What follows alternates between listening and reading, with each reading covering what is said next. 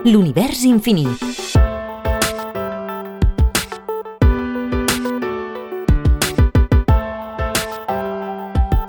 Agrupació Astronòmica de Sabadell.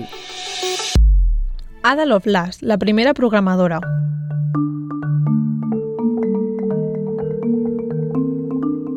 Ada Augusta Byron King, comtessa de Lovelace, va néixer a Londres el 10 de desembre de 1815. Va ser la primera programadora en la història dels computadors. Se li atribueix el primer algoritme codificat, destinat a ser processat per una màquina. Va ser una dona especial en plena època victoriana. Va ser l'única filla legítima del poeta Lord Byron i d'Annabel Milbank.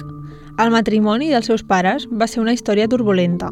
Es van separar quan ella tenia dos mesos i va créixer amb la seva mare, la qual, temerosa de que la seva filla pogués convertir-se en poeta, la va orientar cap al món de les ciències. Tot i així, Ada sempre es va sentir unida a son pare i al món poètic.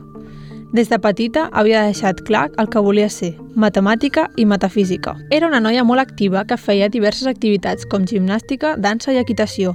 També va desenvolupar qualitats musicals en aprendre a tocar diversos instruments, com el piano, el violí i l'arpa.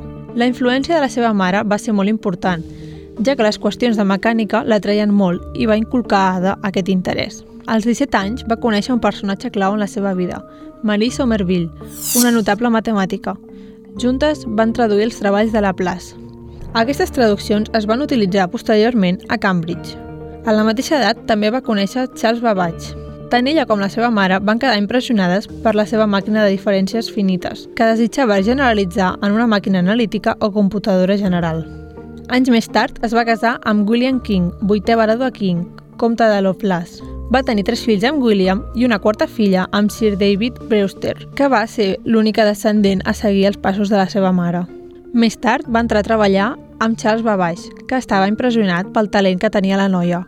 Ada va inventar una notació per descriure algoritmes en la màquina de Babbage, creant així el primer llenguatge de programació.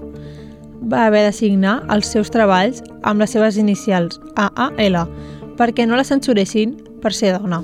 En l'última època de la seva vida es van succeir les crisis nervioses, els deutes i els escàndols. La seva salut empitjorava cada vegada més. Per alleugerar els dolors, es va deixar emportar per l'alcohol i les drogues. Als 36 anys va emmalaltir de càncer uterí i va ser tractada amb opiacis i hipnosis, però mai es va recuperar. Va morir el 27 de novembre de 1852. Els seus plantejaments informàtics estaven tan avançats respecte a la tecnologia de la seva època que va caldre que passés un segle perquè es desenvolupés la maquinària necessària per arribar a comprendre les seves anotacions i contribucions. El 1979, el Departament de Defensa d'Estats Units va desenvolupar un llenguatge de programació que es va anomenar ADA, en el seu honor.